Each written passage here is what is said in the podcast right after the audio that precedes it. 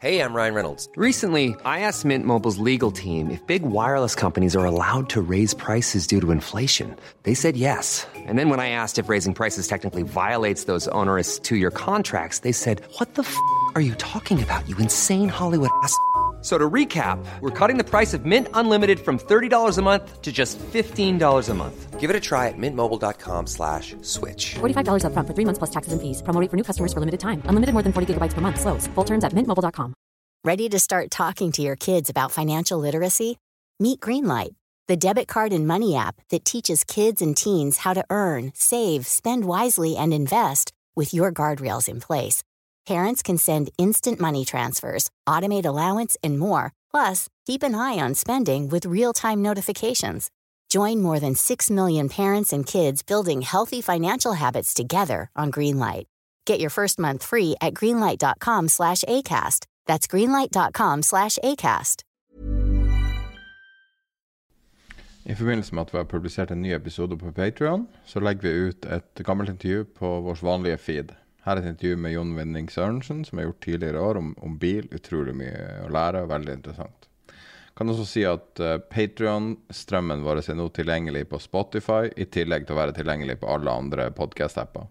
Så hvis du vil ha det inn på en vanlig podcast-app, så kan du bare gå inn på patreon.com tiderpenger og lage konto, og så får du en link til en feed der som du legger inn i spilleren din. Eller så kan du søke det opp på Spotify. Søk på Tid er penger, så finner du to treff. Og den der du ser bilde av logoen, det er vår uh, Patreon-feed. Men nå går vi over til Jon Winding Sørensen-intervjuet. Tatt tidligere i år. Da har vi et uh, intervju i en liten ekstraepisode her med en uh, person som har en litt artig beskrivelse av seg sjøl. Rett før vi starta å snakke, så bare researcha han litt, og så fant jeg en artikkel fra 2018, og der sa han at han var en ikke-legende. jeg vet ikke om det er han eller, han eller en annen person som sa det, men jeg ser for meg at det er han som har sagt det. Han er en, en eh, kjent karakter i bilbransjen. Han har uh, versert uh, i mange roller innenfor å skrive om bil, men han er på en måte mer en slags nesten en filosof rundt bil. Han har veldig unike ideer, veldig sterk og et klart syn, og så vet han veldig mye hva som foregår. Så nå er han forlegger i, i bilforlaget, og altså bladet Bil og, og hele den sulamitten som er rundt det. Du har Eh, ikke nevnt navnet hans ennå. og han heter Jon Winding Sørensen, og ja, det er veldig mange vet hvem han er. Jeg vil si at så godt som alle som jobber med bil i Norge, vet hvem han er. Og Mm. hvis man er interessert i bil, så vet man hvem han er. Og han er en fantastisk kunnskapsrik kar. Og da, jeg visste at når Vi hadde jo noen spørsmål om kinesisk bilproduksjon, som er et litt sånn Mm. mysterium for veldig mange. Og det er veldig viktig, makroøkonomisk veldig viktig. Og han har veldig dyp forståelse av det, og jeg syns vi kom vi kom ganske til bunns og fikk litt sånn Jeg følte at jeg fikk litt oversikt. Hva du syns om eh, intervjuet? Ja, for det første var var det sånn veldig trivelig tone i det, og, og du, du forstår med en gang at dette er en person som lever og ånder for, for det han, han driver med. Akkurat den, akkurat den type person som, eh, som egentlig vi ønsker, da. Og når, når vi intervjuer og når vi har, når vi har folk inn, tar folk inn i podkasten på den måten, så er det jo gjerne med noen som har uh, lidenskap for det de, de driver med, som, som vi vil foretrekke å høre fra. Så jeg syns det, jeg syns det var kjempeinteressant. Og jeg har også bet meg merke til uh, Altså, du er jo Du visste jo godt hvem han var på, eh, på, på forhånd. Jeg, jeg gjorde ikke det, fordi jeg har ikke fulgt liksom, bil. Selv om jeg har drevet og, og kjørt billøp, så har jeg ikke liksom, fulgt bil på, på den måten.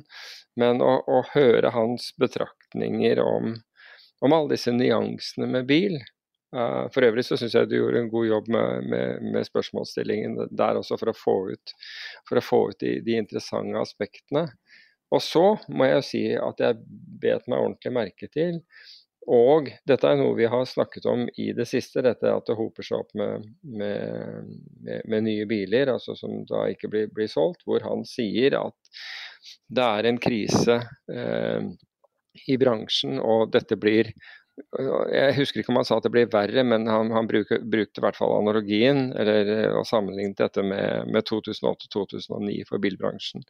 Så, og delvis er nok dette uh, som, som, følge av, og som han også er inne på, dette med, med skattlegging av, av, av, bil, at veldig mange forsøkte å, å få tak i ny bil før, før årsskiftet, i hvert fall elbiler.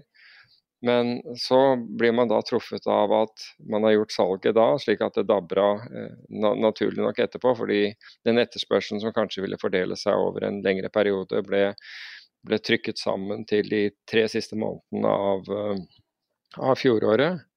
Uh, og så har du da fått alle disse andre elementene på toppen, altså den voldsomme kostnadsøkningen, uh, renteøkning osv., som virkelig begynner å, å, å, å, bli et problem. For øvrig så snakket jeg med en, med en person uh, som sitter høyt oppe i en bank her på torsdag, og som forteller at, at nå nå, nå, altså dette var før, før renteavgjørelsen. Altså De 50 punktene til, til Norges Bank som, også, som, da senere på torsdag ble, ble annonsert. Og, og, de ser det klart i, uh, i, i, default, altså folk som rett og slett ikke kan, kan betjene lånene sine. Så, så, det virker inn på, på dette. Men jeg syns at uh, jeg syns intervjuet, intervjuet, var bra. Jeg liker, uh, jeg liker de sære, nerdete uh, detaljerte intervjuene som bringer ut nyanser som, som, du ellers ikke får. Det er jo akkurat det er jo, det er jo, det vi forsøker å gjøre, vi også. Da tror jeg bare vi starter intervjuet med Jon Vinding Sørensen, og um, så får du høre litt om tingenes tilstand i, i bilverden. Første spørsmålet, og, og det at, liksom, som er på en måte litt sånn kjernen i alt det her, er Tenk deg at du snakker med en slektning som ikke bryr seg om bil i det hele tatt, men som har en bil, men som ikke bryr seg om noe. Og så skal du beskrive tingenes tilstand nå. Hvordan vil du beskrive det? det for det første hadde jeg tenkt å begynne med noe av det du sa, som jeg egentlig ikke hadde tenkt på. Men du snakker om at finansbransjen har dårlig peiling på bil. Men hele verden har egentlig dårlig peiling på bil. De har peiling på motor og stempler og kompresjonsforhold og sånn. Men altså respekten for bil Nå tenker jeg på den akademiske respekten for bil. Den finnes jo ikke, i hvert fall ikke i Norge. Og Det tror jeg kanskje kan forklare en del av at bilen blir behandla som et stebarn. Det har den jo vært siden tidenes morgen med hensyn til avgiftsbelastning og sånn. Men også respekten sånn på, ja, på regjeringsnivå. Vi har ingen som prater bilens sak seriøst. Altså alle eh, snakker om bilen når de snakker om sin syke mor, på en måte. Men professoratet på BI eller Handelshøyskolen og sånn, som kan fortelle oss seriøst om bil, det finnes ikke av en eller annen merkelig grunn. Tyskland er ganske full av dem. Har en del akademia på det der. Amerikanerne er gode, vi har det ikke i det hele tatt. Og vi er i en sånn situasjon i bilbransjen i dag som er fullstendig forvirra. Nå snakker jeg om Norge. Og mye av årsaken til det er at det skjedde ting i forbindelse med budsjettet for i år som kasta ting fullstendig på huet. Og det kan godt skylde på bilbransjen, men den hadde ingen forutsetning for å ane at uh, det nye reglementet, nye systemet, avgiftssystemet i år skulle bli så vanvittig at um, hele bransjen ja, skal jeg si, er fortvila. Altså, de aner egentlig ikke om de går eller om det er torsdag. Det, det er full forvirring i norsk bilbransje i øyeblikket. Og som jeg sa, mye av utgangspunktet for det tror jeg er at vi aldri har tatt bilen seriøst i det hele tatt. Nei, og da jo Norge har jo aldri produsert bil. Eller i hvert fall ikke mye. Nei, og det er jo også Det bringer meg inn på en helt annen ting. fordi mye av forvirringen i Norge skyldes den elbileksplosjonen vi har hatt, som er fullstendig mot alle forutsetninger, mot en naturlig industriutvikling. Da. Eh, og Det snudde jo også norsk bilbransje på huet. Men grunnen til at politikerne la ting til rette for elbilen, var nettopp fordi en del fremsynte folk, og da tenker jeg ikke bare på Fink, eh, så på Norge som en mulig et mulig produksjonssted for den fremtidige elektrorevolusjonen som alle visste ville komme på slutten av forrige århundre. Visste alle det? Så alle visste det. Kan, kan, jeg, kan jeg, avbryte deg tankerekka, for nå kan jeg endelig stille et spørsmål jeg har lurt på i 20 år. Endelig kan jeg svare på det her. Var det pga. Think og at man ville stimulere til at man skulle selge mer eh, norskproduserte elbiler, som var grunnen til at man gjorde den vanvittige avgiftsreduksjonen og alle fordelene, eller var det fordi at man hadde miljøtanker i, i bakhodet? Nei, det var ikke miljøtanker. De var fjerne. Og det var ikke Think alene, fordi det var masse spennende initiativer rundt omkring. Peugeot-fabrikken de elsket jo Norge. De sendte biler til altså Peugeot jobba hardt med elektrifisering. Men Stavanger var i en periode viktigere for Peugeot enn Paris. Altså, vi lå frampå på masse områder når det gjaldt tanken på elektrifisering. Og det ble satt ned masse utvalg, og stat og kommuner virket veldig positive. Og alt gikk sakte og sikkert i dass. Um, blant annet Nei, det skal jeg ikke men altså Bellona og a-ha var jo veldig flinke til å provosere myndighetene og få til bomringer og sånn. Og det er klart, det, det rota til hele bildet litt. Nå skal jeg ikke skylde på dem for noe som helst, for de var jo pionerer. Men eh, vi, mista, vi mista fokus på det som opprinnelig var, og så ble det i stedet en helt sånn kommersiell forvirring rundt det også. Hvem var det som innførte, altså helt konkret innførte den regelendringa med at det var både momsfritak og avgiftsfritak på elbiler? Var det fra dag én når elbiler var tilgjengelig, eller når skjedde det? Nei, Det kom gradvis fra Stortinget, dels Oslo kommune også, som innførte sånne lokale regler som etter hånd ble landsomfattende. Så det var en gradvis prosess. Eh, men den enkle historiefortellingen i dag, den representeres jo av Elbilforeningen. For hvis du hører på dem, så er de som Ja, de har ikke bare fått til elbilrevolusjonen i Norge. Det er i realiteten de som har oppfunnet elbilen. Vel, all ære til dem, for de var dritflinke til å finne en kommersiell åpning. Eh, men de overdriver litt når det gjelder narrativet om sin egen betydning.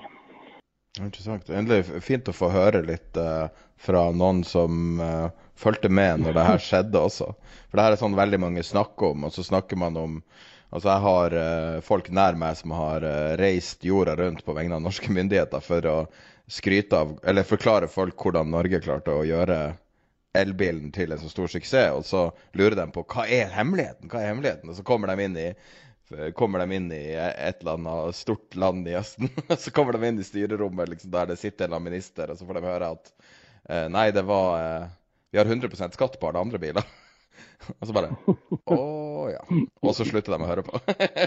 For de, da skjønner de at det her kan ikke de gjøre noe med. Jo, men herregud. Jeg tror hvis myndighetene hadde fjernet alle avgifter på sigaretter og attpåtil tilbudt meg eh, plass på førstebenk på Nationaltheatret for livstid dersom jeg begynte å, å, røyke igjen, så er det klart jeg også hadde sluttet å røyke. ikke sant? Det må jo noen incitamenter til for å få til det. Og billige priser er klart incitament. Du ser det i Kina, som er enda mer elbilaktiv enn det vi er. Der har det vært subsidier hele veien. Og nå har de forlenget subsidieordningen igjen fire år framover. Det har ikke vi gjort. Det er ikke en ting som står mye om i avisa. Kinesiske elbilsubsidier. Det var jeg ikke klar over at de hadde. Kan du forklare hva det er som skjer i Kina? Kina, når de var lost ned i covid, alle var lost ned i covid, så var det ikke noen nyheter om noe som helst, og tilsynelatende var det ikke så mye produksjon. Og så ser vi nå tilbake to år, og så ser vi Kina har gått fra nullpunktet til verdens nest største bilprodusent. Over natta. På mm -hmm. norske veier, kinesiske biler overalt. Hva er det som har skjedd? Ja, du, nei, men For å supplere deg litt, grann, i tillegg til å være verdens nest største Jeg trodde egentlig de var største, men det er kanskje nest største. De er i hvert fall verdens største bileksportør. Det, det ble det i fjor, gikk forbi Tyskland. Ja, for de produserer alt lokalt, er det det du mener? Ja, ja, men, ja. og at de er stor eksportør, skyldes det også at BMW og Mercedes sånne fabrikker produserer i Kina og eksporterer til sine egne hjemmemarkeder og sånn. Så europeerne har gitt dem en skikkelig drahjelp. Men eh, litt utgangspunkt. I Kina er det ikke tvil om at det lå masse miljøtankegang i bånn.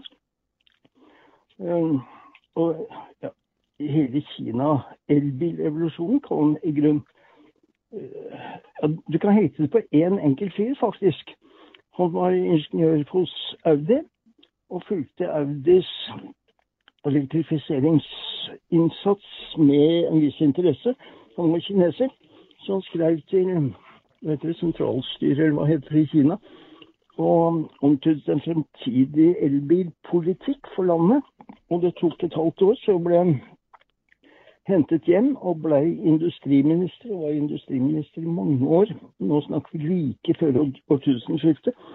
Og alt som var utgangspunkt for elbilvirksomhet i Kina, var denne fyren som skrev. Det er litt fascinerende at én person kan ja, Mao, Mao hadde også litt innflytelse. I et sånt land? et så stort land? Ja. Wow. Men at en tysk ansatt, eller kinesisk tysk ansatt ingeniør til de grader kan ha sånn innflytelse, det, det syns jeg er litt morsomt. Har du vært på kinesiske elbilfabrikker?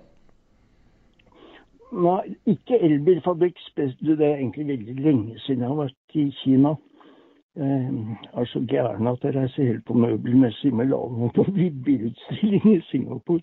Men Nei, det er en stund siden jeg har vært der, men jeg følger jo godt med på hvordan fabrikkene ser ut og hva slags installasjoner det er og sånn. I hvert fall de som ønsker å vise frem fabrikkene sine, de er flinke til å dokumentere dem.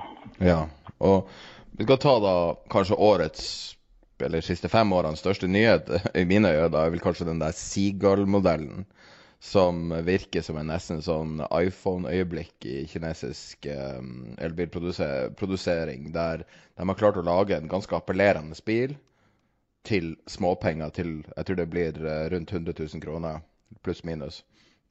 Ja, og det Den kan du ikke bare eksportere til Norge og regne med å betale 100 000, også, fordi de mangler en del på de, de tingene vi syns er obligatoriske sikkerhetskrav.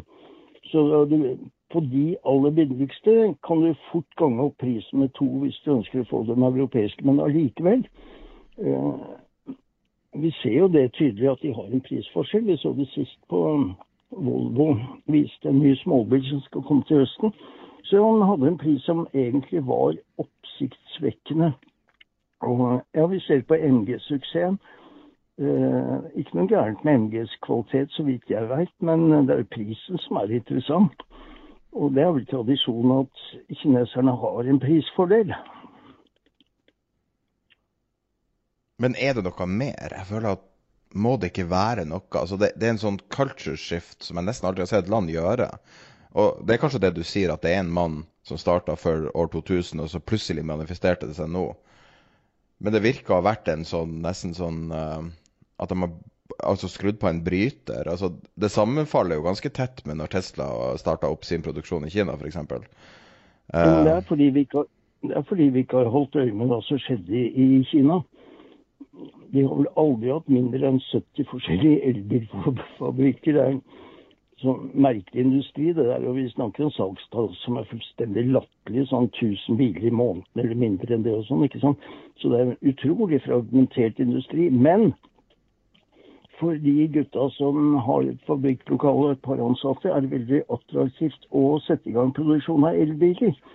Uh, fordi, ja, som sagt, det er subsidier i, i kundeenden, men også vanvittig Eller det varierer fra sted til sted, men det kan være vanvittig støtte for å sette i gang den type produksjon. For kineserne er også opptatt av å ha produktive arbeidsplasser. Så det er veldig mange av disse firmaene som bygge biler i dag som egentlig ikke har livets rett og ikke kommer til å få det på tiår framover. Under forutsetning av at de fortsetter å selge, så, så, vil det ta lang tid. Akkurat som vi har sett på Testa, Det tok jo nesten ti år før de også ble levedyktige. da. Men de har jo kinesiske myndigheter i ryggen. og og spesielt de aktørene når du ser Jeg vet ikke hvem det er som er størst lenger, for det går så fort at det er faktisk vanskelig å, å være helt sikker. Men BYD virker å være sterk. Nio har jo i hvert fall en relativt sterk merkevare, og så er det en par andre som jeg ikke klarer å huske navnet på. Blant annet uh? Kan, her kan man sitte og lese høyt en liste på 62 merker som um, var på salgsstatistikken i mai. Det betyr at de har solgt mer enn 1000 biler i måneden hver. Listen er enorm. Men ja, det er bydd som er størst. Og det har skjedd forholdsvis nylig, for det var vel i fjor de bestemte seg for å bli store. Ordentlig store. Det, det er forresten en fabelaktig fabrikk. Det, det, er vel den. Hvis jeg skal være redd for kinesiske bilfabrikker, så er det bygd jeg er mest redd for, for de er så smarte. Allerede for ti år siden så hadde de kontakt med hver eneste luftfartsmyndighet i hele Europa. For de drev og solgte elektriske busser til flyplasser. Og det er en kjempefin måte å nærme seg et marked på. Det er å ta kontakt med statlige myndigheter og eh, få et godt forhold til dem. Og det har jo greid overalt. Og nå har de da bestemt seg for å ta rotta på Tesla også når det gjelder personbiler. Og de ekspanderer sånn at ja, du greier nesten ikke følge med på tallene. Det går rett til værs. Så de er store, og de er veldig sterke, og de er utrolig dyktige. Er det enkeltpersoner? Fordi jeg tenker på Tesla har jo i hvert fall eh, Ikke helt fra starten, men etter hvert hadde Elon Musk den store karakteren. og og eh, det har vært et stort gravitasjonsfelt rundt han på en måte. Er det lignende figurer i kinesisk eh, bilproduksjon? Ja, det, det, det er faktisk en del ypperste prester der også. Um, Nio, du nevnte Nio. Nio-siden eksploderte nettopp i sånn begeistring fordi og den enkle grunn at Nio-sjefen, som jeg ikke engang husker hva heter, han hadde besøkt Tyskland i forrige uke og sånne ting. Det legges merke til i de lokale medier, eller i de egne medier faktisk, for de er dritflinke til å samle Eh, fanklubben, altså communities, er et stikkord, og det er også noe vi jobber veldig med. Det virker som de er mer interessert i å få folk til å besøke disse nye holstene sine, enn de er til å få folk til å kjøpe bilene. På Karl Johan er det jo stappfullt hver eneste dag i nye hos, ikke sant. Men um, det virker ikke akkurat som kundene står i kø. for å Nei, det var det jeg sånn. lurte på. selger den biler der. For jeg har bare sett folk stå og se på et eller annet sånn uh, Ser ut som en leke, liksom. Et helikopter eller en eller annen sportsbil som er helt urealistisk. Eller, ja. så, Men jeg tror ikke det, det er branding de driver med, ikke sant? Jo, jo, det er akkurat branding. Mm. Uh, sterkt utvidet. Jeg tror ikke de selger biler på Karl Johan, men det er klart du kan bli, du blir satt i kontakt med en selger hvis du uttrykker konkret interesse. Men det dukker opp mange av de der stedene nå i Oslo sentrum og andre bysentra rundt omkring. Lotus er vel den siste som er Ja, de skal åpne i løpet av en uke eller noe sånt. Uh, Hvem er det som eier som, Lotus nå? Er det samme eierskap fortsatt? Det er samme konsernet som eier Volvo og Polestar og alt det der. Så kinesisk, da? Man. Geely, ja.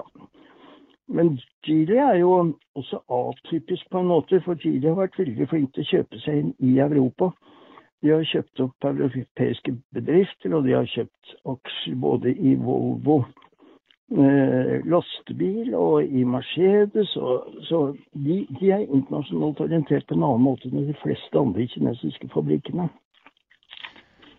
For uh, ei uke siden så, så jeg en dokumentar som rysta meg, om eh, hvordan de produserer en moderne S-klasse.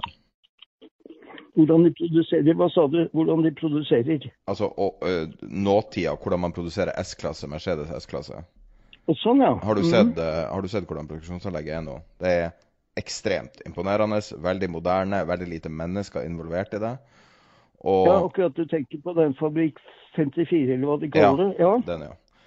Og Um, har Europa en sjanse med å gå den veien, eller Vesten en sjanse, eller vil det, også det bli kopiert av Kina? For jeg, jeg, jeg, føler at det er et system som lett lar seg kopiere, men jeg vet ikke hvordan kineserne opererer, om det er veldig uh, mannesterke fabrikker, eller at det er veldig automatisert. Hvor moderne er det her? For det føles som et sånn hamskifte der Europa, Vesten og USA vi, vi prøver liksom å stå imot, men at det her trykket er helt enormt. Jeg er veldig dårlig på IT og, og digitale løsninger og sånn. Men jeg er liksom litt sånn primitiv at jeg tror at dersom et behov defineres skikkelig og det legges penger på bordet, så finnes det alltid en løsning. Og kineserne er ikke akkurat kjent for å være treige når det gjelder digitale løsninger. Da. Men de har jo et problem med, med chipsproduksjon f.eks. Der har jo USA fremdeles et overtak, og har åpenbart muligheter til å begrense tilgangen på, på de mest avanserte komponentene til Kina. Men hvor mye av de der avanserte tingene som skal til for å få til den type produksjon du snakker om, det veit jeg ikke. Men det går an å se den andre veien også, da, fordi Tesla har gjort et stort nummer ut av sine såkalte gigapresser. altså de sørger for at ut av én presse så kommer det en kjempekomponent som tilsvarer 78 andre småkomponenter som så er skrudd sammen. ikke sant? Kjemperasjonalisering. Det, mist, mistenker jeg er akkurat det Mercedes har også, for det så sånn ut. Det var store presser som trykte ut en halv bil omtrent. Nettopp. Men det som er innmari gøy med den der, det er at det er en italiensk fabrikk som står i spissen for utviklingen av den teknologien, og så lager disse pressene. Nå er det blitt flere av dem, riktignok, men den italienske fabrikken ble for sikkerhets skyld kjøpt av kinesere for 15 år siden. Så den type teknologi er jo heller ikke noe stor hemmelighet, da. Og så er det en annen ting som jeg stadig Jeg blir så forundret, fordi jeg har jo vokst opp i en tid hvor man satt og snakket med høytidelig professor, doktoringeniører og sånn om bilkonstruksjon. Og bilkonstruksjon var jo noe vanvittig mystisk, og du skulle ha drevet med dette i 130 år for virkelig å greie å få frem en kjøreegenskap som var akseptabel. ikke sant? Slippvinkler og masse merkelige begreper vi drev og brukte, vi som trodde vi kunne om biler. Og så dukker det opp en haug folk som lager disse kompliserte produktene, som det viser seg de kjører helt ålreit. Altså, det er ikke noe stor hemmelighet med hensyn til hvordan man skal bygge en bil som oppfører seg bra. Det trodde jo vi, og derfor trodde vi at vi lå så langt, langt, langt foran kineserne. Men de kom jo med den ene glimrende bilen etter den andre. ikke sant? Og eh, Så akkurat der er det jo også en del europeiske doktoringeniører på 70 år som har fått seg et egg eller to i trynet. Liksom. De, de er ikke så fantastiske som de trodde allikevel. Og det skyldes selvfølgelig at nå kan du mate en datamaskin og be den få kjøreegenskaper à la Nikki Lauda eller à la Stirling Moss. og, og, så, og så kommer de automatisk ut. Så, eh, men det jeg sier er at hemmeligheten med en bil i dag, det er ja, dels å få det til å henge sammen, det er sånn elementær kvalitet. Og så er det å lese publikum. Hva er det kunden vil ha? Og der har jo også europeerne vært utrolig treige. Det, det er klart at for en europeisk kunde så står nok ikke karaokeanlegg på toppen av ønskelisten, men det gjorde de i Kina, og gjør det fremdeles. Og det skjønte ikke europeerne. Så Folkevogn hadde ikke karaokeanlegg. Derfor ble Volkswagen i Kina kjørt Ikke bare derfor, da, men det var en av grunnene til at Volkswagen i Kina ble kjørt forbi av de kinesiske, som skjønte hva kundene ville. Og når du ser på TikTok, så er det helt klart at kineserne er glimrende til å eksportere det som de ser på som livsstilprodukter. Så derfor tror jeg også at ikke bare eh, produksjonsfordeler eller prisfordeler, men også alle disse gimmick-fordelene. Eh, at det er en ting som vil gjøre dem sterke på, på det tradisjonelle europeiske eller amerikanske markedet.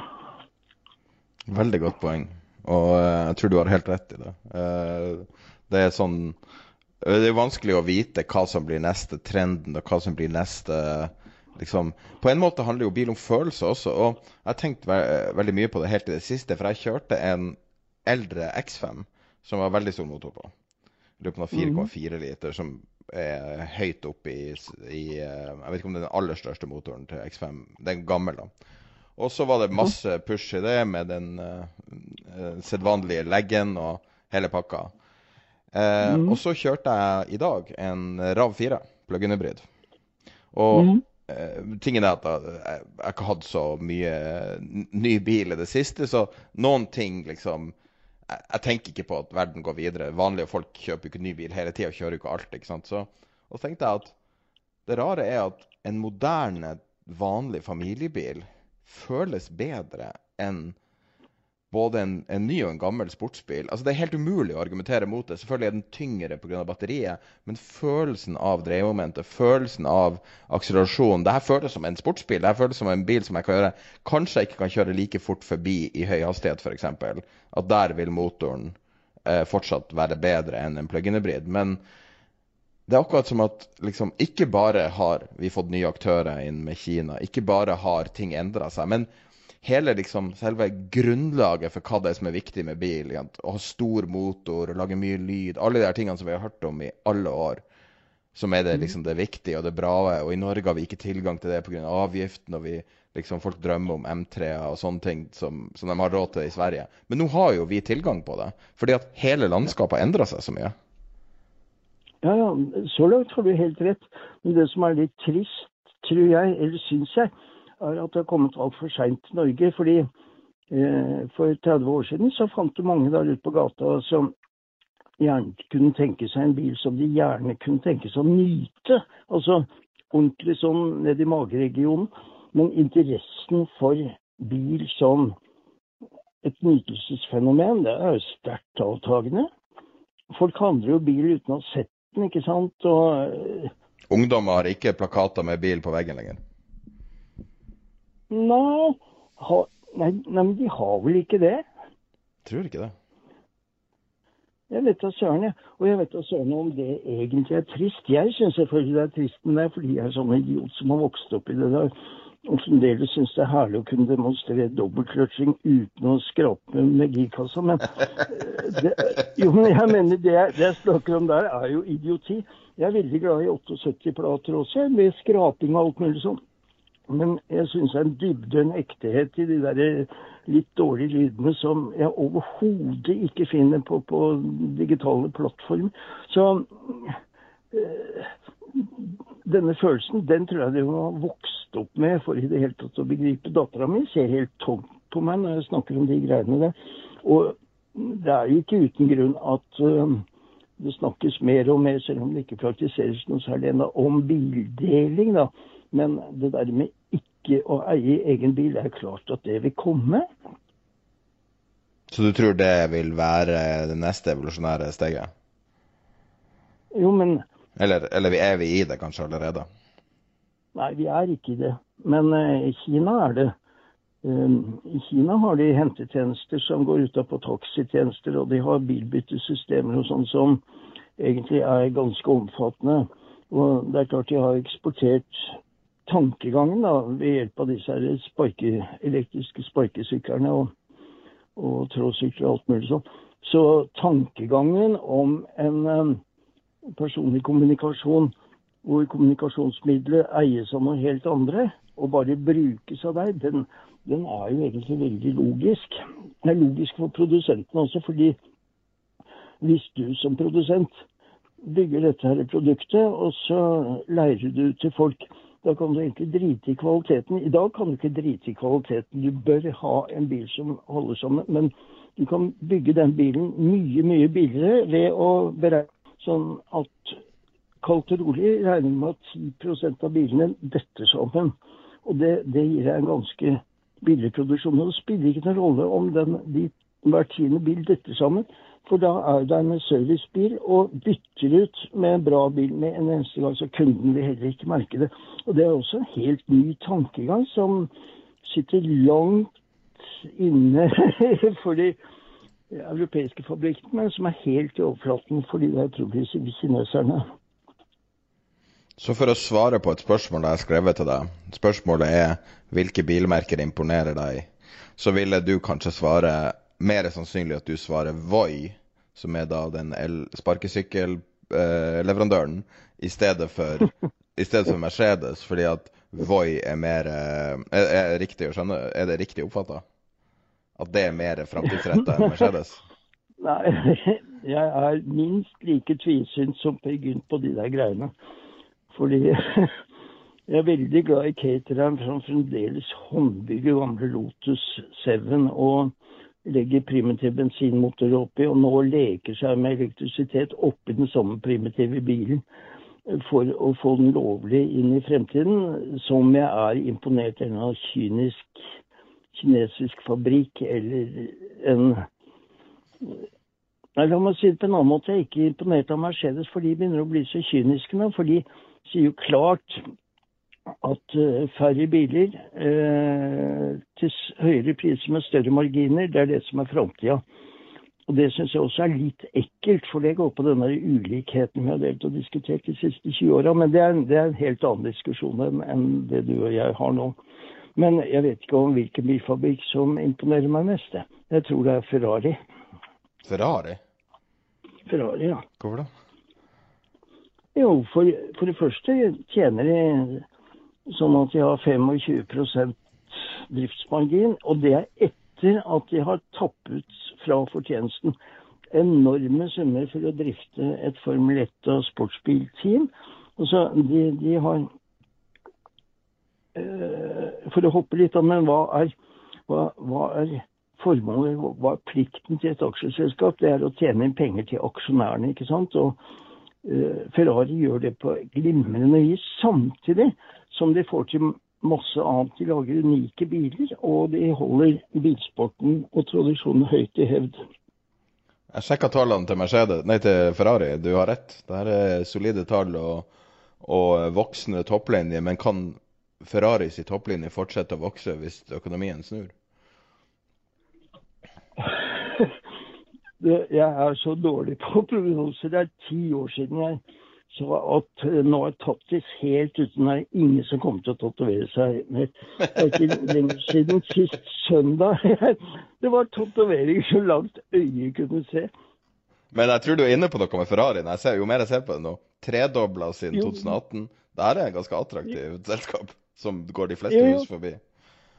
Ja, men jeg, jeg har ikke trodd på luksusindustrien heller, men det er jo bare å se på aksjeutvikling til Kering eller noen av de firmaene der, så skal du se hvor jævla dum jeg er på det feltet der. Verdens rikeste Så- mann eh, på noen tidspunkt i år er jo eieren av LVMH, som er luksusselskap nummer én, så det har du også rett i. det her er luksustida. Ja, nå er det heldigvis, heldigvis, i ferd med å stagge litt. Da har jeg sett på de siste eh, rapportene fra disse store luksusfirmaene. Så de må snu seg lite grann. Men de klarer det sikkert. Jeg er imponert av dem også, selv om jeg egentlig ikke liker konseptet i det hele tatt. Du er jo en ganske stor profil i eh, bilbransjen, og du har alltid vært det. Så hvis du spør en tilfeldig person og sier ditt navn, så vet de hvem du er, uansett hvem den personen er. Eh, du er også kjent for å kjøre veldig små biler. Men hvis du ser bort ifra din preferanse for små biler, eh, hva er det du har kjørt som har imponert deg de siste tolv månedene? Ja, du, vet du hva, jeg har nesten sluttet å kjøre nye biler, jeg. Jeg, jeg syns det er så vanskelig å differensiere mellom, mellom de forskjellige. Og hvis jeg skal begynne å dukke ned i små detaljer, sånn om det er åtte eller sju koppholdere, da på en måte mister jeg interessen lite grann.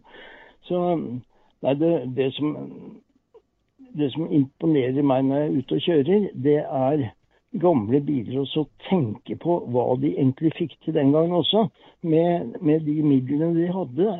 Det, eh, en gammel Bristol eller en gammel Bugatti, sånne ting imponerer meg fremdeles litt, men eh, det er jo bare i bakspeilet jeg ser da, ikke sant. Men, men jeg er imponert av denne lille Twitzen min. Den er jo forholdsvis ny, og den holder, og den er kjapp, og den er, den er jo døddedikert på den ene jobben den skal gjøre, nemlig frakte én person så greit som mulig gjennom storby. Ja, nei, jeg, jeg tror du er inne på noe. Du var Du, du har jo, som, som, du, som jeg sa, preferanse for små biler, det er jo helt åpenbart. Og du har vel klart å finne den minste av alle, omtrent. Så det fins vel en bil, tror jeg, som er på størrelse med ei kiste, omtrent. Men uh, det er vel en eller annen nedre grense for hvor, hvor du får benefit fra det. Men kan jeg stille deg noen spørsmål om enkelte ting, og så sier du hva du syns, eller hva du tror vil skje med de tingene? Ja, Bensinbilen. Hva sa du? Bensinbil? Bensinbilen. Bensinmotor. Ja, men Den behøver ikke jeg synes noe om. Den er jo den er jo dødsdømt, den. Det er bare litt forskjellig tidshorisont på når dommen skal eksekveres. Men hvis du spør meg om jeg tror på forbrenningsmotor og, og såkalt e-fuel, syntetisk bensin, så tror jeg ikke på det. Det blir for ineffektivt. Så du tror at bensinbilen er borte i ny, ny form om hvor mange år? Den vil alltid eksistere. Jeg tror ikke de kommer til å forby meg å kjøre bensinmotor. Men at den vil være borte fra markedet sånn ca. 2050, det er helt klart. Men eh, det er jo akkurat som hesten. Den lever jo i dag, den også. Men eh, under spesielle forhold, og gjerne hos spesielle mennesker. Men sånn vil det bli med bensinmotoren også. Det er ingen som vil ta livet av bensinmotoren. Bensinmotoren er jo en forlengelse av hele kroppen din, på en måte. Det er jo hjerte og lunger og har jo alle kroppens funksjoner, pluss at den er upålitelig og har temperament, akkurat som et menneske. Så uh, en elbil er ikke i nærheten av, har ikke nærheten av menneskelige funksjoner, sånn som en forbrenningsmotor har. Så den tror jeg kommer til å leve. Hva tror du kommer til å skje med ladbare hybrider? Det er enda dummere. Hvis man tror på hybrider, så tror man egentlig på perpetuum mobile. Altså, du legger på vekt og du legger på komplikasjoner. Og så skal du få meg til å tro at det blir mer effektivt. Det er jo bare tøv. Jeg kan si at foreldrene mine kjøpte seg en elektrisk lad, altså ladbar hybrid på i Tromsø. Mm. Og Ja. de fyller bensin så sjelden at de må av og til deaktivere elfunksjonen for å bruke opp tanken, sånn at ikke bensin blir gammel på tanken. ja. Så jeg kan si Men, at um, du sier at det ikke funker. Eh, I Tromsø så er det det eneste som funker. Fordi elbil så er du stuck i byen, så du kommer ingen vei. Så eh, der er det et bruksområde, men jeg skjønner hva du sier. Jeg sier ikke at det er mer effektivt enn verken ren el eller ren bensin. Jeg sier bare at hybrid i en eller annen form er ineffektiv komplikasjon. Dette er en diskusjon jeg har hatt med Toyota siden de kom med den første hybriden sin, så uh, jeg blir nok ikke ferdig med den diskusjonen da om hybrider. Ja. Hva tror du vil skje med rene elbiler i dagens form, altså litium-ionbatterier og eh, store, tunge batteripakker? Eh, hva, vil skje med dem? Men Det er allerede i ferd med å endre seg. Det er klart det må ned i vekt og det må ned i komplikasjon. og eh, Vi kan ikke fortsette med disse underlige mineralene. Nå, Chile er jo i ferd med å gå tom for vann. ikke sant? Der er det jo akutt vannmangel til tider. Fordi de bruker så jævla mye vann på å pumpe ned i disse litiumgruvene sine. Så eh, Nei, det er jo en veldig tvilsom måte å bære energi på, å bygge sånne batterier. Eh, Så det, det er helt klart det vil endre seg faststoffer eller enklere mineraler. Men på sikt så har jeg jo fremdeles håp om at hydrogen vil slå igjennom. Da kommer vi til, nå, nå bygger du opp til de neste to spørsmålene, så da tar vi først Solid State og Toyota i parentes. Hva du tror vil skje med det? Ja, Solid State kommer så det griner. Det er en del småbedrifter som driver med dette også, som eh, ganske snart kommer til å bli kjøpt opp av større bilfabrikker som er i stand til å industrialisere dette ganske kjapt. Så hvem som kommer først, det vet jeg ikke. Men Toyota ligger egentlig godt an. De gjør det. Eh, Og her er jeg også litt forundret over at Norge plutselig skal begynne å bygge tradisjonelle bilbatterier. Eh, Jeg skjønner ikke argumentasjonen fordi vi har strøm i Norge, men den strømmen som skal fylles på batterier i en engelsk bil, skal vel ikke fylles på i Norge. Men eh, jeg skulle ønske vi brukte huet vårt til å utvikle en annen form for batterier, hvor vi hadde vært forholdsvis alene i verden, istedenfor å drive og konkurrere med de andre kjempene om å bygge helt konvensjonelle batterier. Men ålreit, det, er- en helt annen sak. Men jeg har ikke kjøpt aksjer før, for å si det sånn. Uh, og hydrogen er jo mer enn én ting. En form, det er jo en, en, eh, også en verdikjede man må ta hensyn til. Og uh, hydrogen er vel kanskje det som er nærmest forbrenningsmotoren, på en måte. I hvert fall i fleksibilitet. Ja da, fordi den kan jo eh, sprøytes litt inn i en forbrenningsmotor også, sånn at eh, stempelmotoren fortsetter som før. Men stempelmotoren i seg selv er jo ganske primitiv innretning. Da. Bare se for deg 15 stempler som hopper opp og ned i rasende fart. Også masse bitte, bitte, bitte små ventiler som hopper opp og ned enda fortere inni der med smøring og sånne komplikasjoner. Så bensin eller ikke, eh, jeg tror stempelmotoren har ikke noe særlig fremtid. Den, den blir mer og mer kuriøs. Eh, Sånn at hydrogen tror jeg på som energibærer, eh, som da kan formes som, som strøm i noen brenselcellegreier. Men for det første trenger vi jo et skikkelig breakthrough når det gjelder produksjon av, av hydrogen. Eh, sånn at det skjer både enklere og mye, mye mer effektivt og økonomisk. Eh, det er jo så enkelt som at hydrogen er det vi her i verden har mest av. Og den er jo sirkulær på en måte. Den er nesten som vann. Det blir ikke noe mindre av den. Så det er jo bare å gønne på. Men man må jo finne en metode som ikke blir for stor belastning for resten av systemet når man skal forme om eh, luft eller hva det måtte være til hydrogen. Men det er jo fascinerende å tenke på at du kan ha ditt eget sånn hydrogen hjemme brenneri i bakgården hvis du har tilgang på vann og sol. Så har du jo i realiteten gratis transport resten av livet. Men effektivt er det ikke foreløpig. Men det er jeg helt sikker på vil komme når, når fokus Nei, for et ekkelt uttrykk. Når oppmerksomheten rettes fullt ut mot, mot effektiv produksjon av det stoffet der. Ligger det noe tech som vi ikke har hørt om, som du har plukka opp, som er i, i, tidligere fase? Er det noe sånn um, noen lø Dette er jo et veldig stort problem, da. Energi er jo et enormt problem i verden. og eh, og, få ned energibruken til biler og endre type. Det jo, må jo være mye forskning på det. Er det noe vi ikke har hørt om, som du har plukka opp? Nei, men uh, nå er jo jeg ca. 80 år eldre enn deg, så i min ungdom så lå vi jo over disse tekniske bladene eller bildene i gamle Vi menn og sånn, og så på amerikanske drømmebiler som ble drevet av atomkraft. Alt skulle jo være atomkraft i 50-årene, ikke sant? Og jeg syns det er synd at vi har forlatt det sporet. Nå tenker jeg ikke på en atom- eh, eller radioaktiv stav inni en greie inni bilen. Jeg tenker ikke på det, for der ser jeg for meg problemer med en liten kollisjon eller noe sånt. Men uh, atomkraft for å hente energi til bruk av det meste her i verden, uh, det skjer nok etter min tid, men jeg kan ikke skjønne at vi har noen vei utenom i det hele tatt. Får jeg lov å gjette hva jeg tror, som er en ganske ukjent bilmodell, som jeg tror du likte godt? Eh, relativt ny, men relativt ukjent. BMW I3 plug-in hybrid. Kjenner du til den? Det her begynner jeg å lure på Nei, du kan ikke ha sett siste nummeret av Bilautofil.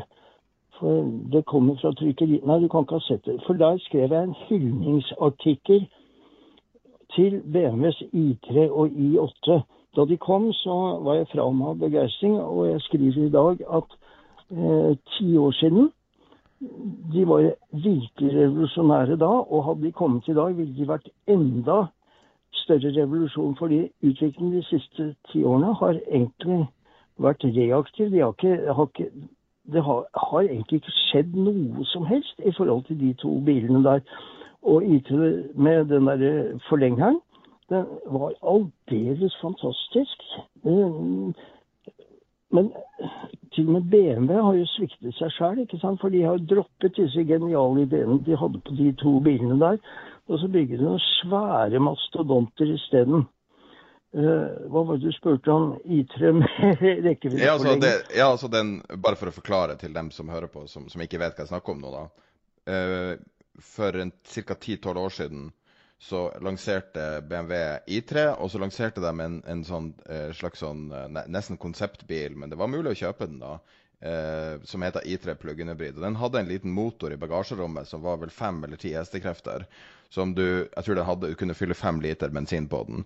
Og den funksjonen var å holde batteriet over 70% med eh, og, det, og, det, som var så, så irriterende med denne bilen, var at i praksis null utslipp. Men siden det ikke var null utslipp, så var det vanlige bilavgifter på den, og det var dobbel pris av en I3, så selvfølgelig ble det ikke solgt en eneste av den, eller kanskje én, liksom. Men er ikke det nesten løsninga? Hvis man hadde gått den veien med minimotorer uten utslipp, der du kan få all fordelen med elbil og all fordelen med bensinbil, for du kan i praksis kjøre jorda rundt hvis du vil. Ja, du er nesten inne på den hybriden til foreldrene dine, men eh, akkurat BMW-løsningen var litt, litt, mer relevant. Altså oppi huet mitt så var den den gangen det absolutt beste som kunne skje. Jeg skulle ønske BMW hadde greid å markedsføre den bedre, sånn at flere hadde tatt etter. Men det er akkurat som den gamle Audi A2, den der fine aluminiumsbilen, som også var aldeles genial i sin tid. Som de heller ikke turte markedsføre, for den var jo for radikal i forhold til de andre kondelene deres. ikke sant? Var det fordi motoren var så puslete at de ikke ville Det var jo veldig små motorer på de. Ja, ja, ja, men dekkene var smale og vekten var lav, og de gikk jo som bare det. De, det var jo sånn herlig Citroën 2CV-følelse, bare med litt høyere hastighet i de bilene der, ikke sant. Uh, og nå er vi tilbake til det der med bil og følelse, så det er mulig at det var det også som gjorde det like gærent, fordi folk begynte å bli mindre og mindre interessert i følelsen. Men nei, du, BMWs I3 det er en av de bilene jeg ville sette aller, aller øverst på lista hvis jeg skulle snakke om um, ting som har, eller burde ha gjort seg bemerka i bilhistorien. Så artig, da. Jeg tar seiersrunden på den. Um, så nå står vi i en fase i Norge. For det første, hvordan går det med bilbransjen akkurat nå i Norge? Ja, nå går det i dass. Nei, men altså alvorlig talt. Eh, det blir en likviditetsskvis utover høsten som blir helt for jævlig. Den er verre enn kriseårene 2008-2009. Jeg skjønner egentlig ikke hva som har skjedd, om det er fabrikkene som pøser på med biler som importørene og forhandlerne ikke vil ha, og som da må innløses, selvfølgelig. Og et varelager, eh, varelagerkreditter som er strukket utover alle grenser. Og eh, nå skal de snart begynne å forfalle, de kredittene der. Det blir et blodbad av dimensjoner, er jeg redd. Eh, og mye av dette skyldes jo også eh, ja, Tesla, stakkar, men de er jo flinke. Eh, at det var satt ned priser, sånn at det begynte å bli full prisforvirring. og det medfører også full forvirring på bruktbilmarkedet. Nå er ikke bruktbilmarkedet gærent når det gjelder volum, det ligger omtrent som på fjoråret. Men prisene begynner jo å bli ganske vanvittige, sånn at en bilforhandler som har et bruktbillager stående på gården, ser plutselig at nå er det lageret verdt 20 millioner mindre. og det, det, betyr litt for en, en liten detaljist. Så der, der, kommer det til å bli problemer. Og der er jeg litt tilbake til det jeg tror jeg åpna med, nemlig den der manglende respekten for bilbransjen. Eh, at politikerne ikke så at dette her ville kunne komme, for det var opplagt for de aller fleste. Men samtidig må jeg jo si at det er ting ved den etablerte bransjen jeg heller ikke skjønner. fordi Eh, bilsalget eller registreringstakten er omtrent som i fjor. Og alle påstår, alle i anførselstegn, påstår at det finnes ikke kunder. Det er fullstendig tørke både på skjerm og på gulv. Men Tesla selger jo så hakka møkk. De selger jo mer enn noensinne. De kommer antagelig til å bli eh, sette ny absolutt rekord i, i Norge i år. Altså mer enn rekordtallene fra Ford for 50 år siden eller noe sånt. Eh, og hvor i all verden finner Tesla kundene sine når de andre veletablerte importørene ikke greier å finne kunder? Det skjønner jeg ikke. Tesla averterer ikke, og de får elendig kritikk på, på masse fora og sånn. Og likevel selger de mer enn de tre neste øverst på registreringsstatistikken. Det, det er helt ubegripelig. Men hvis det hadde vært litt akademisk interesse for disse greiene, så hadde vi for lengst hatt 15 smarte studenter både på BI og Handelshøyskolen som hadde sittet og skrevet i hvert fall masteroppgaver på akkurat dette rare fenomenet her. Men bil er ikke interessant i de kretsene der lenger heller, dessverre. Så i land, hele landet som helhet så er Eh, fire av ti biler som selges, er firmabil eller leasingbil. Uh, mens i Oslo så er syv av ti biler som selges firmabil eller leasingbil, primært leasing da på begge. Um, vi har um, uh, Vi har sett en uh, altså, Det er, det er jo må jo snakk om hundrevis av tusen av nye leasingbiler som, som er jo i leasingavtaler akkurat nå. Samtidig som økonomien blir strammere for folk all, fra alle kanter. Og eh, vi vet jo eh, de, de, aller fleste tror jeg kjenner folk som har vanlige jobber og har to og tre biler, som virker helt utrolig hvordan de har råd til det. Og det vi ser nå, er jo at folk har ikke råd til det. Så en del leasingbiler blir eh, Altså man, man avbryter avtalen mot straff for å komme seg ut av den. Og da byr det seg en, en mulighet da, som heter releasing. Har du satt deg noe inn i det?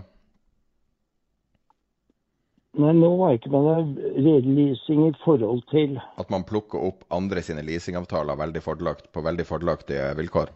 Ja, ja, ja. ja, ja. Men det krever jo likviditet. Ja, ja, altså det krever jo at du, du har det. Uh, men, uh, men, at dem som sitter i leasingavtaler, sitter med ganske dårlige kort på hånda og må komme seg ut og må gi Altså um, si ha det bra til innskudd og alt mulig, og, og bare bli kvitt den uh, faste regninga.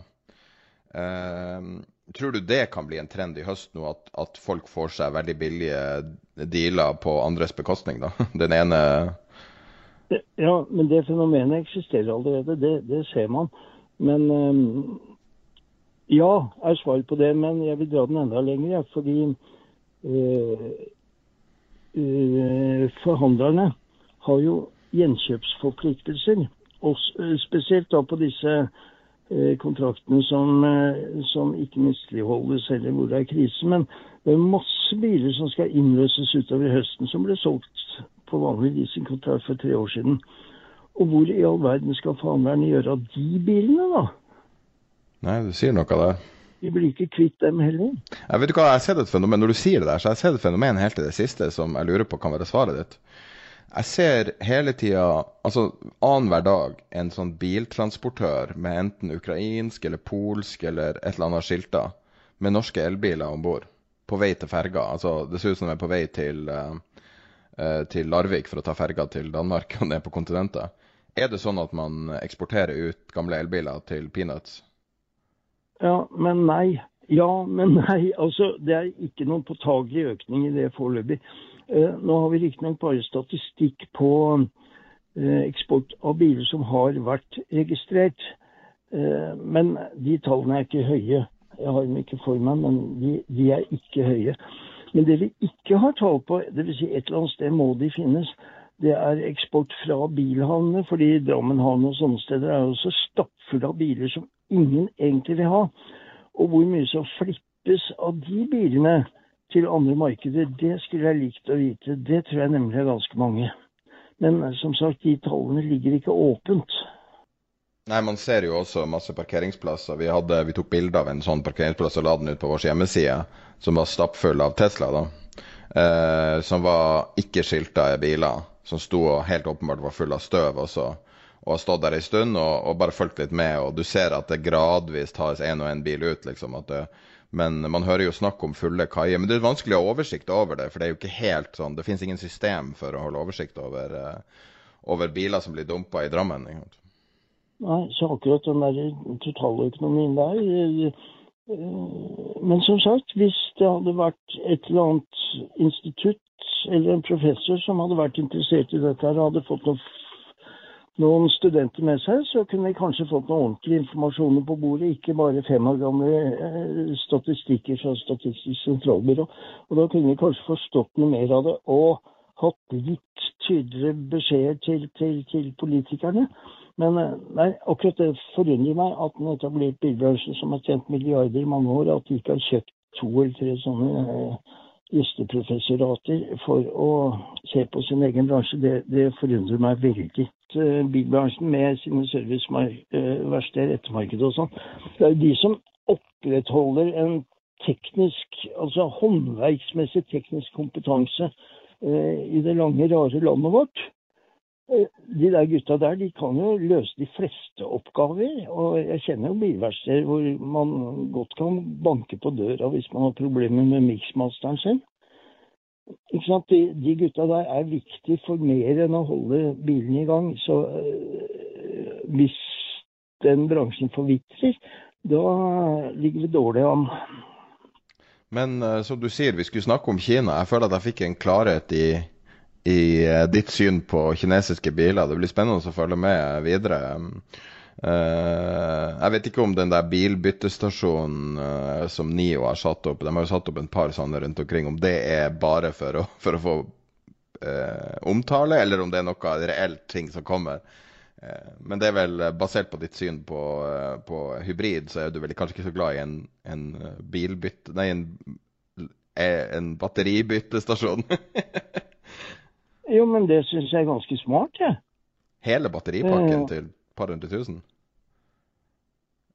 Ikke det veldig voldsomt? Jo, men Ja, men eh, du sier at, at bil er kjempestor investering og sånn. Når det gjelder batteribytte, så slipper du i hvert fall å eie det der batteriet. Da, da betaler du i prinsippet bare for bruken, ikke når du ikke bruker den. Så eh, sånn sett er det en viss økonomi for kunden også oppe i batteribyttet. Men det viktige er, og det gjelder selvfølgelig personbil, eh, at du sparer tid. Fordi eh, i Kina er vel nå mer enn halvparten haha, kom inn på kinesiske biler. Mer enn halvparten av de batterielektriske lastebilene, som det faktisk begynner å bli ganske mange av, de har batteribyttesystemer. Og Det betyr at i stedet for å lade opp, og der snakker vi store batteripakker, i stedet for å bruke tre timer på såkalt å hurtiglade en sånn batteripakke, så bruker de et kvarter på eh, mekanisk batteribytte. Så der har du en helt klar økonomisk gevinst på batteribyttesystemer. Tusen takk for at jeg fikk lov å stille deg masse dumme spørsmål som jeg har sittet og tenkt på. og det er, det er veldig vanskelig når det ikke finnes så mange eksperter, men det er bra at det finnes noen veteraner som har stått i et helt liv og har et helt livs erfaring. Det er veldig tilfredsstillende å kunne snakke om eh, Hva var din første bil? Jeg kan avslutte med det. Peugeot 403? Nei, det er, det er ikke riktig. Jeg hadde russebil, så en luftkjølt Franklin. Den dumpa vi utfor brygga, for den gikk ikke noe særlig mer. Tenk hvis jeg hadde hatt den i dag. da. Men den første bruksbilen var en Peugeot 403. Glimrende bil. En vakker bil. Fra en annen tid. Ja, det var en annen tid. Takk og pris. Selling a little or a lot? Shopify helps you do your thing however you cha-ching. Shopify is the global commerce platform that helps you sell at every stage of your business. From the launch your online shop stage to the first real life store stage, all the way to the did we just hit a million orders stage. Shopify is there to help you grow. Shopify helps you turn browsers into buyers with the internet's best converting checkout. 36% better on average compared to other leading commerce platforms because businesses that grow grow with Shopify. Get a $1 per month trial period at shopify.com/work. shopify.com/work. ACAST powers the world's best podcasts. Here's a show that we recommend. The Real Housewives is a guilty pleasure for most, but if you're looking to not feel guilty about that pleasure, tune in to Everything Iconic with me, Danny Pellegrino, where I break down all the messy moments and behind the scenes antics of Bravo's popular franchise. And on Everything Iconic, I also interview celebrity guests like Kelly Ripa, Kiki Palmer, Drew Barrymore, Cameron Diaz, and more about their guilty pleasures, their past work, and so much more. So if you're pop culture obsessed and find yourself watching way too much reality TV like me, tune in to Everything Iconic with Danny Pellegrino wherever you listen to podcasts. ACAST helps creators launch, grow, and monetize their podcasts everywhere. ACAST.com.